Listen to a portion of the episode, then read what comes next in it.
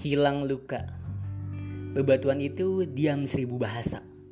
Tenggelam dalam palung pikiran yang dalam dan dingin.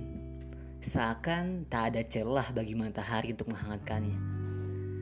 Seketika itu, semut tak tinggal diam. Bersama pasukan khususnya, dia memanggil bulan dengan cara yang tak biasa.